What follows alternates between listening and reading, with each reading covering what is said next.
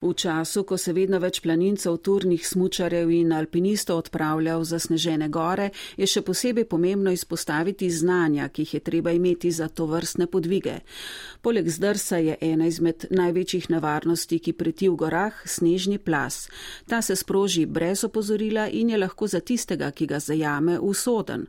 V nedeljski reportaži, ki jo je pripravil Aleš Ogrin, bomo zato pozornost namenili osnovam varnosti pred snežnimi plazovi in tehnikam določanja stopnje plazovne nevarnosti.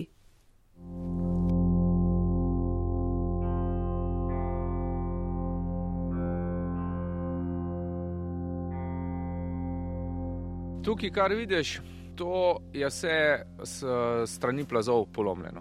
Dejansko pridejo tle iz kotliške grape dol vsako leto, takrat, ko je veliko snega. In uh, se spomnim prav ene intervencije, enkrat smo šli po noč gor iskat enega ki ga ne bi plas odnesel. In tako gledamo, čakaj, teh sten pa takrat tukaj ni še bilo.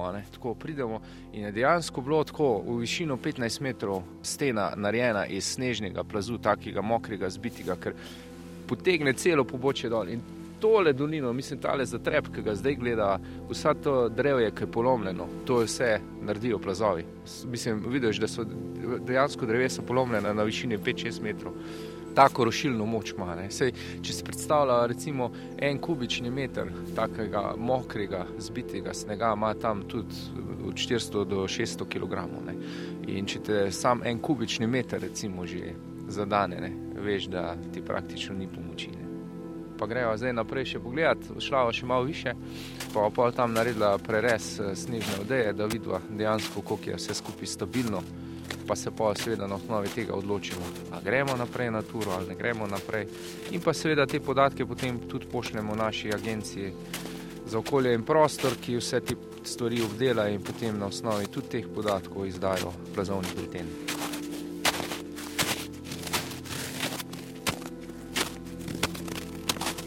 Strokovni sodelavec Planinske zveze Slovenije in inštruktor gorskega reševanja iz postaje Gorske reševalne službe Kamnik Matjaš Šerkezi je v prihodu na začetek kotliške grape tako opisal ogromno moč, ki jo imajo snežni plazovi.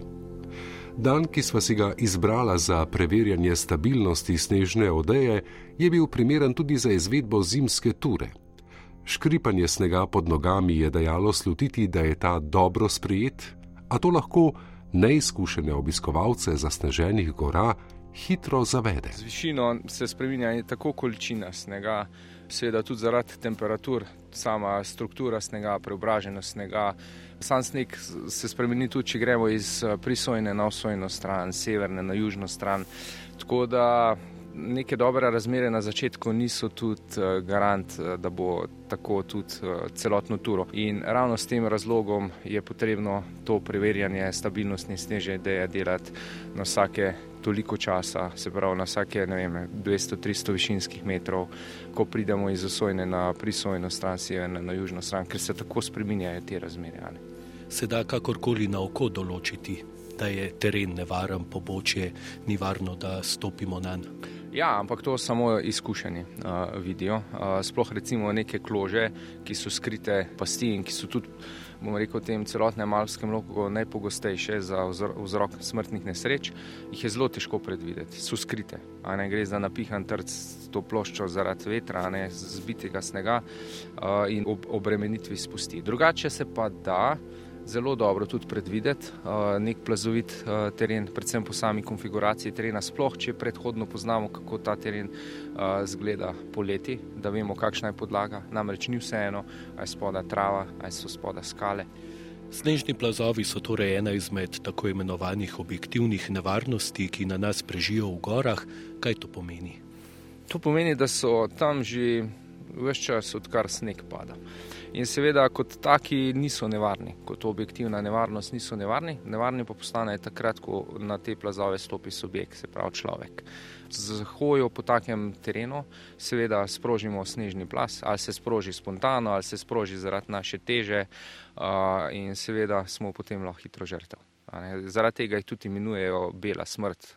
Tako da ja, zgodi se veliko teh eh, nekih nesreč v snegu, eh, vendar pri nas vseeno ne gre za take količine snega, da bi osebo pač či zasulo. To so res tiste izjemne zime, ko pade ogromno snega. Recimo lanska je bila takšna, letošnja je tudi bila takšna. Večini ljudje zdrsnejo oziroma se odpeljejo na kloži kloža se pa sproži, če jo obremenimo z lastno težo. Sploh recimo tukaj imam mislih turne smučarje, s smučmi prereže celotno snežno odejo in se na takšni plošči odpelje v dolino. Takšnih nesreč je veliko, veliki je pa tudi takšnih, da jih eh, gorski reševalci ne zaznamo, zato ker so pač ljudje imeli srečo in so nekako se iz tega izmazali nepoškodovani in seveda takšne nesreče ne zabeležimo. Predvidevamo pa, da je tega še vsaj enkrat toliko. Okoli 90 odstotkov nesreč, ko žrtev zasuje plas, se zgodi, ker ga ta sproži sama oziroma ga sproži nekdo iz skupine, v kateri je. Poleg človeka so kritični dejavniki še hitra sprememba temperature, veter, teren in količina novo zapadlega snega.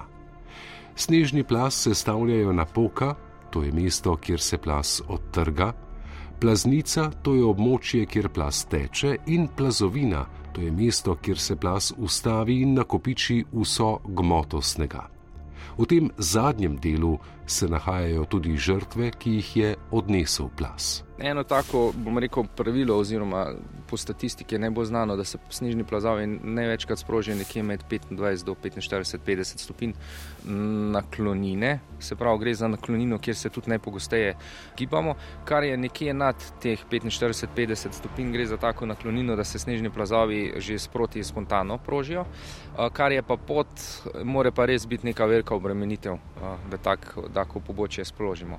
Je pa res, da sploh na nekih daljših pobočjih se lahko zgodi, da se ta plas utrga nekje nad nami, bodi si ki nekje v steni, ta sneg pa leti v pobočje pod sabo in seveda posledično zaradi velike sile še enkrat sploži celotno to pobočje in vse skupaj pač pride do nas. Tako da ta neka spontana proženja plazov, sploh recimo v času popoldanskem času, ko se temperature više, ko je sonce nemočnejše, zelo pogosto prihaja, do tega prihaja. In tudi te neke zadnje nesreče v plazovih so bile posledica tega.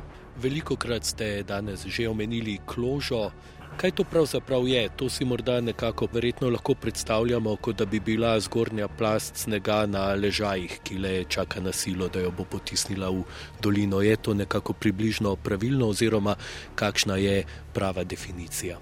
jaz ponavadi, ko razlagam, kaj je kloža, ravno na ta način vzamem to prispodobo. Če vzamemo eno trdo ploščo, pa vmes nasujemo kamenčke in pod njo imamo še eno trdo ploščo, ki služi za podlago. Zdaj, če je ta plošča na, na ravnem, ponavadi lahko hodimo po njej, potem pa z, z nagibom plošče, se pravi z naklonino, drži uh, zaradi trenja kamenčkov, ampak če na njo stopimo, jo še nekako dodatno obremenimo, se ponavadi uh, spelja ne, po teh uh, kamenčkih in to je kloža. Se pravi, neka trda plošča, pod njo je neka struktura snega, ponavadi tega globinskega sreža. To so te veliki kristalčki, ki so zelo lepi, ki jih ponad vidimo uh, na snegu. Seveda, ti kristalčki so lahko tudi v uh, globini.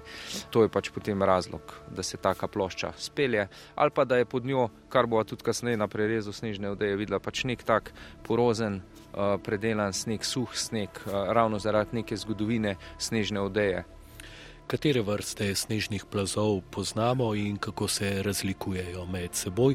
Krovno se delijo v štiri tipe oziroma kategorije. Ja, mi dva bova zdaj tukaj izpostavila dve, se pravi plazovi uh, suhega, tega pršnega uh, snega ki imajo veliko rošilno moč uh, pred sabo, se pravi, gibajo se nekje do, do 300 km uh, na uro, spredaj je tak brezračni prostor, ki ima to rošilno moč in ta brezračni prostor ponovadi je razlog, da podira drevje, hiše in vse, kar stoji.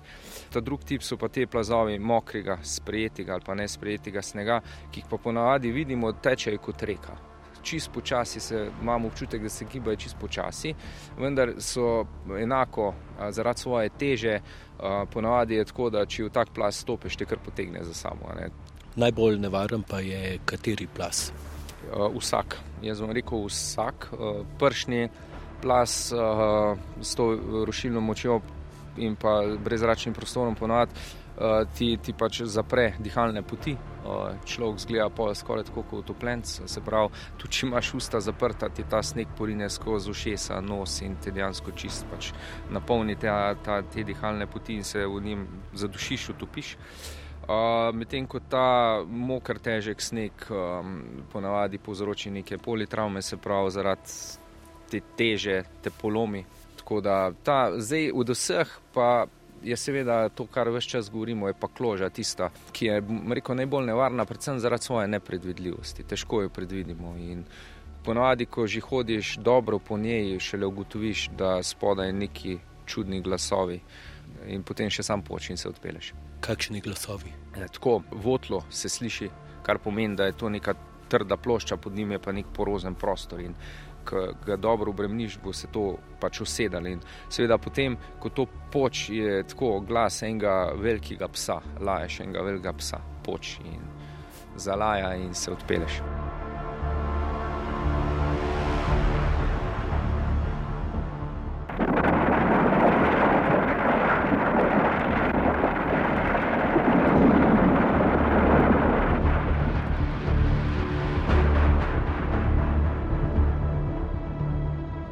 Z varne oddaljenosti slišati snežni plas, ki drvi po pobočju. Da se zimski obiskovalci gora ne znajdejo na njegovi poti, je zelo pomembno izvajanje prereza snežne podlage, s katero se po lestvici nevarnosti proženja snežnih plazov določi stopnja plazovne nevarnosti. Ja, imamo petstopensko evropsko lestvico nevarnosti proženja snežnih plazov. Lajkom svetujemo, da nekje, če je že tretja stopna naprej, da se ne hodi več uh, v gore. Zato, ker pač je treba res stvari dobro poznati. Nekje je prva, druga stopnja. Jaz rečem, da sta te dve stopni najbolj nevarni. Zato, ker ima vsak občutek, da se ni še tako nevaren in potem dejansko hodijo povsod in ravno takrat pride do nesreč. Tako da ravno tukaj pri prvi, drugi stopni bi veljala, sploh za lajke, planince, ta največja previdnost tudi. Ne. S katerimi metodami pa določate stopnjo plazovne nevarnosti? Zdaj imamo seveda več eh, metod, tukaj imamo v mislih norveško in švicarsko metodo, ki se, še, bom rekel, še danes vedno uporabljata. Včasih smo uporabljali samo te dve metodi, potem pa zadnja leta je prišel veljav tudi ta compression test, eh, tlačna metoda se imenuje po slovensko. Gre dejansko za bolj točen približek temu, kaj se dogaja s snežno odejo, ko po njej hodimo. Se pravi, namreč mi, ko po odeji hodimo snežni, je ne vlečemo. Ne? Recimo testi pri švicarski pa norveški metodi so s pomočjo vlečenja snežne odeje, teh plasti med sabo, medtem ko pri tej tlačni metodi je pa ravno pritiskanje, koliko zdržijo te posamezne plasti na pritisk in to se dogaja, ko hodimo po odeji, ponadi jo tlačimo, ne vlečemo. Tako da te tri metode tudi učimo vse naše strokovne kadre, kot so planinski vodniki, gorski vodniki, gorski reševalci. Je to neka osnova, ki jo mora vsak od nas znati. Zdaj smo pri preizkusu stabilnosti snežne odeje. Matjaš Šarkezi, morda če najprej na hitro predstavite, preden jo narediva, kaj je to. Preizkus eh, stabilnosti snežne odeje pomeni, da najprej narediva en tak snežni profil s pomočjo katerega določiva neko zgodovino uh, snežne odeje, se pravi, določiva posamezne posti. Boš videl, kako zanimivo je, da dejansko vsako plast posebej se da ločiti, kakšna je bila temperatura, kakšna je že preobrazba snega, in potem določiva znotraj tega na osnovi kristalov, temperature, potem vlage v snegu, uh, te kritične plasti. In narediva preizkus. Mi dva danes naredila preizkus po CT metodi, se pravi po tej tlačni. Eh, metodi in na osnovi tega odloča stopno nevarnosti uh, snežnih plazov. Zato pa potrebujemo lopato aluminijasto, pa plazovno sondo, pa še cel kup nekih pripomočkov, ki ti bom sproti pokazal. Dobro, se pravi, mi dva sva si mesto izbrala, pa ja. praviva test. Greva narediti test. Ja.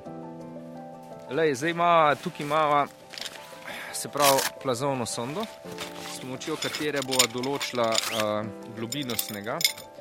Da ne bo skupala že kar nekaj, pa bo prišla pol na nek, neko skalo spodaj, pa bo vse skupaj postalo neuporabno. Tako da samo plazovno sondo zapičiva jo v sneg in lahko določiva, koliko je sneg globok.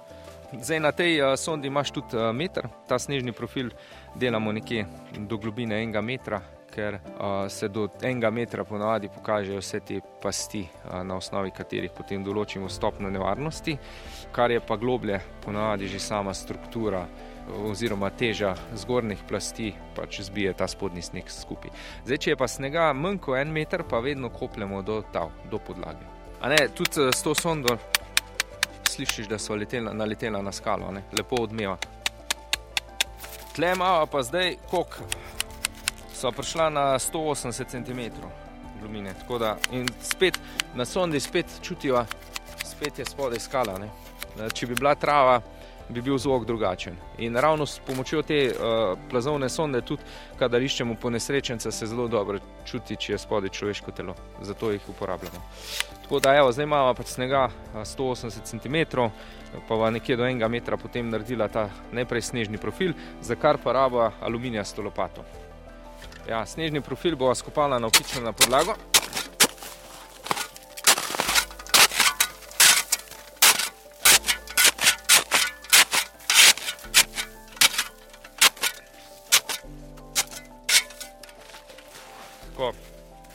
Evo, to je kar garaško delo. Se pravi, snežni profil so skopala na opično na podlago, zdaj ga lepo zgladila nekje so vzela približno meter pa pol v širino, tako da res dobiva en tak lep profil. In zdaj bo od spodaj na vzgor začela ugotavljati plasti. To pa narediva tako, da s prstom, s kazalcem, greva kar od spodaj na vzgor po tej odeji in potem vidva, ki se prst bolj odda. Vidiš, le, tale plast je trda, cela in potem le naenkrat pade not, vidiš.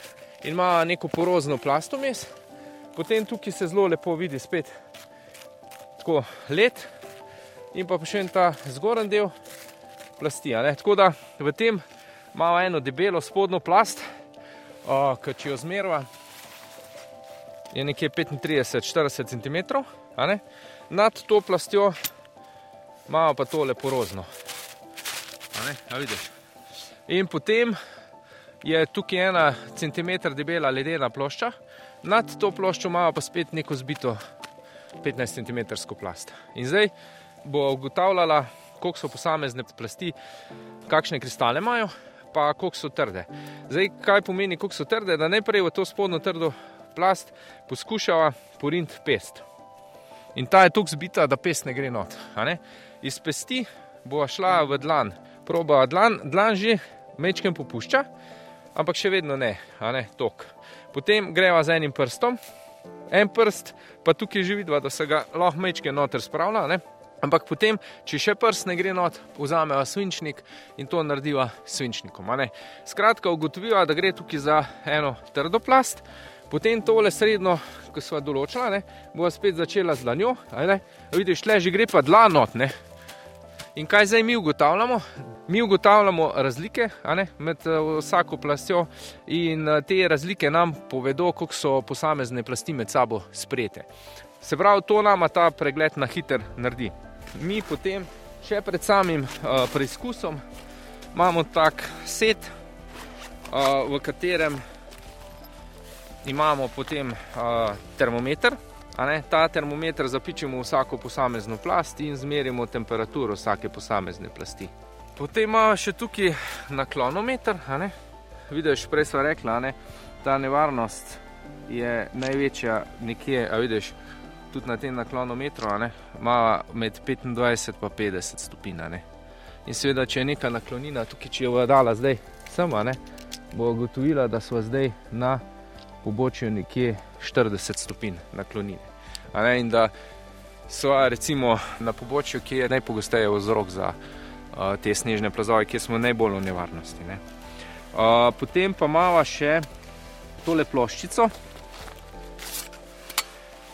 Ta ploščica, na njej vidiš bolj gosto, pa bolj uh, tako fino mrežo.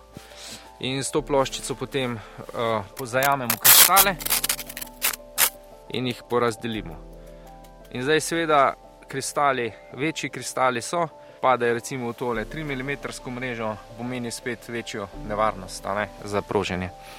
Uh, no, potem zdaj imajo tukaj snežni profil in zdaj so pa seveda določila eno potencijalno plast, vmes, ki je nevarna, ne? glede na vidu, da je čist se razlikuje in po strukturi, in tudi po temperaturi, uh, in po sami vlagi. Če stisnejo ta sneg, ne? uh, je bolj suha, ne, ne preteče voda ven, medtem če bo tega, je bolj moker. Se pravi, rečejo, da je pač ta srednja plast nekje, ki je zdaj videla tukaj potencijalna nevarnost. Ne? In zdaj pa na osnovi tega, da pa točno ugotovimo, kakšna nevarnost nam to predstavlja, naredimo pa še to tlačno metodo. Eh, preden to začneva, izvaja ta preizkus, je pa treba sneg posekati pravokotno eh, na podlago. Ne? Se pravi, snežni profil so naredili na opičlo, so pogledali vse plasti, zdaj bo pa to posekali še tako, da pridejo na samo naklonino pravokotno, a ne s tem še bolj približava eh, stvar k realnosti.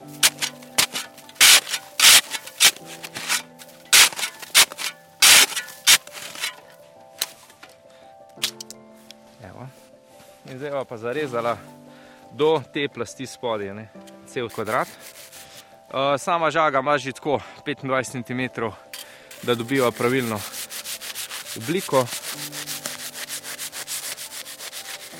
Tudi po žaganju se že vidi razlika. Ne? Zgornja plast je bila trša, zdaj ta vmes je žaga kar padla not, zdaj pa gre spet trš naprej.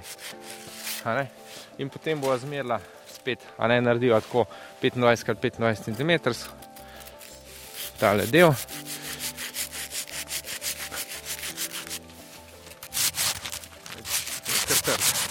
In zdaj ta padele.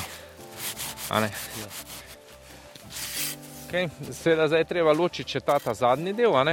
Ta zadnji del pa ločimo tako, da tukaj not zapičemo sondo.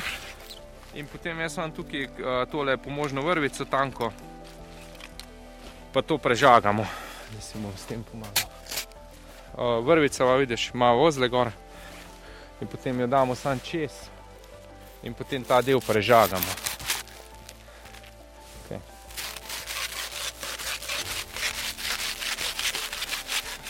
Ko to ločimo, vzamemo lopato in začnemo s tapkanjem. Se pravi, imamo pa tapkanje, se pravi s prsti.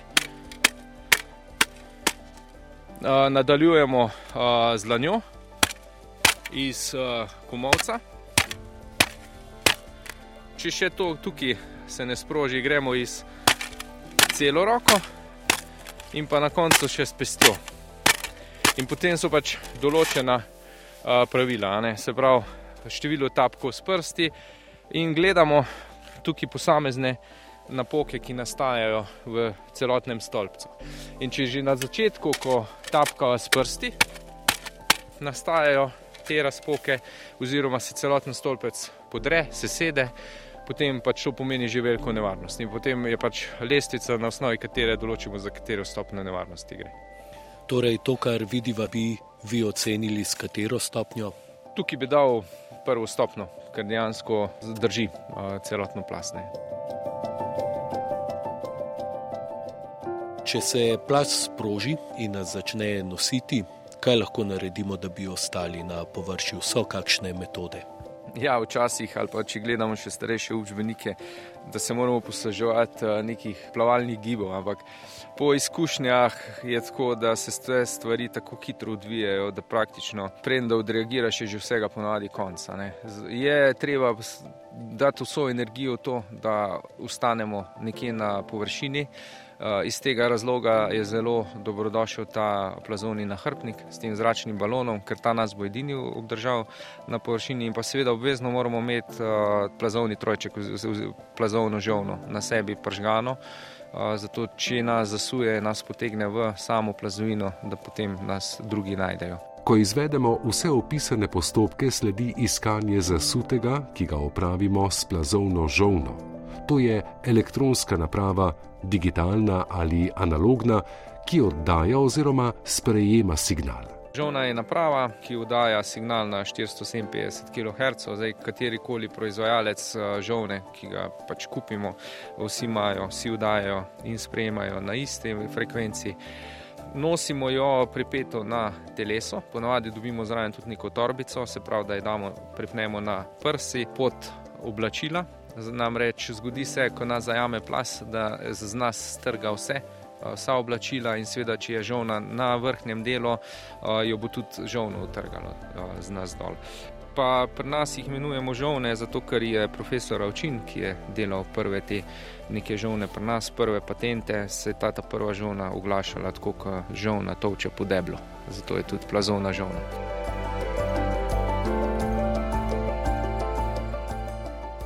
Ko gremo na turo, so vse žovne dane na udajanje. Se pravi, dajo signal za primer zasutja. Takoj, ko nekoga zasuje in smo mi tisti, ki iščemo žovno, preklopimo na sprejemanje tega signala in potem tudi s pomočjo te najdemo drugo žovno.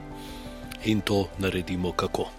To naredimo tako, da žovno vzamemo v roke. Trak je še vedno pripet na pasu ali na roke, se pravi, zaradi teh drugotnih sekundarnih plazov, da imamo še vedno možnost, če bi nas slučajno zasul, da tudi nam ostane še žovna vedno pripeta na telo. Žovno dava na sprejemanje in ona naredi najprej neko analizo, išče pomoč, jo vidimo nekje v dolžini oziroma v krogu 70 metrov. Seveda moramo te številke vzeti bolj za rezervo, namreč sneg je nek umitveni dejavnik, ne? Odvisno od kakšne globine je oseba not. Nekje po izkušnjah delujejo tam 30-40 metrov. In seveda tukaj ta ležovna nam tudi kaže, kako se naj po samem plazu gibamo, v nekem takem cikcaku v smeri navzdol. Zelo pomembno je, da dobimo ta, ta prvi signal. To pa naredimo tako, da žovno primemo, jo damo čisto k šesam in potem vse tri, vsi, se pravi X, Y pa Z, poslušamo. Ne? In hodimo po plazovini, da dobimo ta, ta prvi signal. Ko dobimo prvi signal, pa začnemo slediti žovni, nas usmerja s pomočjo puščic in s pomočjo piskanja. Pa zdaj še to pokazala.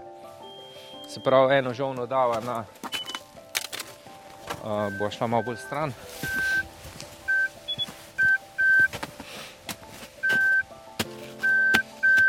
Ne, zdaj nama žovna kaže, da udaljenost do naslednje žovne je cirka 7 metrov, tudi puščica nam naj usmerja in zdaj smidva samo slediva. Žovno nosijo več čas nekje vodo ravno s tlemi, čist pred tlemi. Pri tem je pa treba podariti še eno stvar. Takrat, ko uporabljamo žovno, je treba dati stran vse mobilne telefone, fotoaparate, zato ker vse to pač žovno moti. Kam to damo? Ne vržemo stran, ampak čisto preprosto damo v žep, recimo hlač za telesom, nekje za telesom ali pa v nahrbnik. V rokah mava sondo pa lopato, zato da takrat, ko osebo locirava, že imava tudi vse to presep. Ok, pa kar greva. In bolj, ko se približujeva, Ne, vidiš, se, se zvok spremenja, se pravi, da smo že bliže osebi oziroma drugi žovni. Ne, slišiš zvok in pa sama razdalja pada. Ne. Zdaj smo približno prišla na ni cela sedem in zdaj bomo poskusila. Če greva bolj naprej, spet razdalja raste, ne, tudi po zvoku slišiš, če greva desno razdalja raste, če greva levo, razdalja raste. Tako da imamo osebo nekje tukaj, pa predvideva, da je približno pol metra pod snegom. Se že iz tega da razbrati. No, in zdaj takoj vzameva sondo in dejansko preizkusijo, če gre za človeka. Aha, vidva, da je. In nekje tako v obliki polža, v krogih, greva sondo preveriti da naletiva na tega ponesrečenca v plazu. S tem, ko naletiva na njega v tem polžjem krogu, ne, tudi nekako določiva lego, njegovo lego, ne, ker nam je cilj, da čim prej pridemo do glave. In seveda, ker to imamo, sondo pustimo not, zato če bi še karkoli bilo, da točno vemo, kje imamo tega ponesrečenca, vzamemo aluminijasto lopato in začnemo z izkopavanjem. Aluminijasta lopata podarjam zato, ker danes se prodaja neke plastične in kevlarske lopate. V tem snegu sam vidiš, da dejansko že ta aluminijasta lopata skoraj ne služi svojemu namenu, da se bi mogla skoraj pomagati z cepinom marsikijane. In začneva z izkopavanjem, ne kopleva nad to sondo, zato ker če so rekla, da je globina pol metra, pomeni, da bomo mogla pol metra snega v luknjo skopati in ta sneg bo več čas se posipal nazaj. Zato nekje stopiva nazaj. In skopljava nekje frontalno do njega, se pravi, z te strani not, tako da praktično prideva do tega ponesrečenca, ko kar on leži in ga iz te luknje potem samo potegneva lepo ven. Ko ste omenjali še tisto delo sondo. Kako se začuti človeka, kako vemo, recimo, da nismo naleteli na travo? Aha, le, to bo čisto praktično pokazala. Recimo, če dava neko tkanino, jo bova pokopala tukaj. Recimo, dava tukaj, da je to človek, in zdaj, če sondirava, boš videl, to je skala a ne. Tole je pa nek nahrbnik ali pa nekaj. Ne?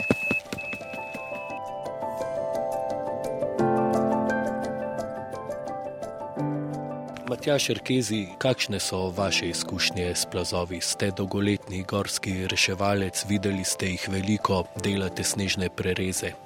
Ja, meni so snežni plazovi nek tako, bom rekel, strast. Uh, s tem, mislim, vedno so me privlačili, sploh zima, sneg, eh, plezanje v snegu. Tako da se že dalce ta s tem ukvarjam in vsako leto potem seveda nekako delam te prereze snežne vdeje, ker se tudi sam na ta način naučim nekih novih stvari, eh, včasih čist nepričakovanih, potem vidiš, kaj se dejansko z neko snežno strukturo dogaja. Tako da so mi stvari pol nekako jasne, zakaj prihaja do teh nesreč, ki se v hribih dogajajo. Sam sodelujem tudi z določenimi ljudmi v tujini, ki se ukvarjajo s temi uh, plazovi. Zdaj v Sloveniji imamo tudi na srečo kar veliko strokovnjakov, bom rekel tudi lajčnih strokovnjakov, ki se ukvarjajo uh, s snežnimi plazovi. Jih bom omenil, zato ker so to res fanti, ki, ki delajo to neko pionirsko delo za, za varnost v gorah. Recimo uh, tukaj je Klemen Volontar, uh, potem. Uh, Miha Pavšek s tem projektom uh, Cross Risk, potem uh, Manca, Bahun, Vok uh, na zelenici in njena ekipa. Vsekakor ne smem tukaj tudi mimo naše agencije za okolje in prostor, ki imajo skupino izjemnih fantov in deklet, ki dnevno proučujejo te stvari in dajo te izdaje, te beltene. Tako da ja, ta, ta mreža v Sloveniji je zelo bogata, želimo si seveda še bistveno boljšo, bom rekel, vendar je vse na koncu pač odvisno od nekih financ. Um, tako da, ja, plazovi so, bom rekel, na nek način moja, moja strast. Po vsem povedanem, kakšno je samo zaščitno ravnanje, ki ga lahko izvedejo vsi, ki se odpravijo v zasnežene gore. V prvi vrsti to, da si skušajo pridobiti nekaj znanja s pomočjo teh tečajev varnejše hoje v gore, ki jih organizirajo posamezne planinska društva in pa gorsko reševalne službe pa posamezni gorski vodniki. To je prvi osnovni korak. Drugo pa je, da če nimajo nekih izkušenj, da se izogibajo obiskovanju gora po zimi v visoke zasnežene gore. Če pa se že odpravljajo, potem pa je seveda potrebno najprej doma preveriti ta snežni bilten, stopne nevarnostnih snežnih plazov in pa seveda prvo, da se te nasvete upoštevajo.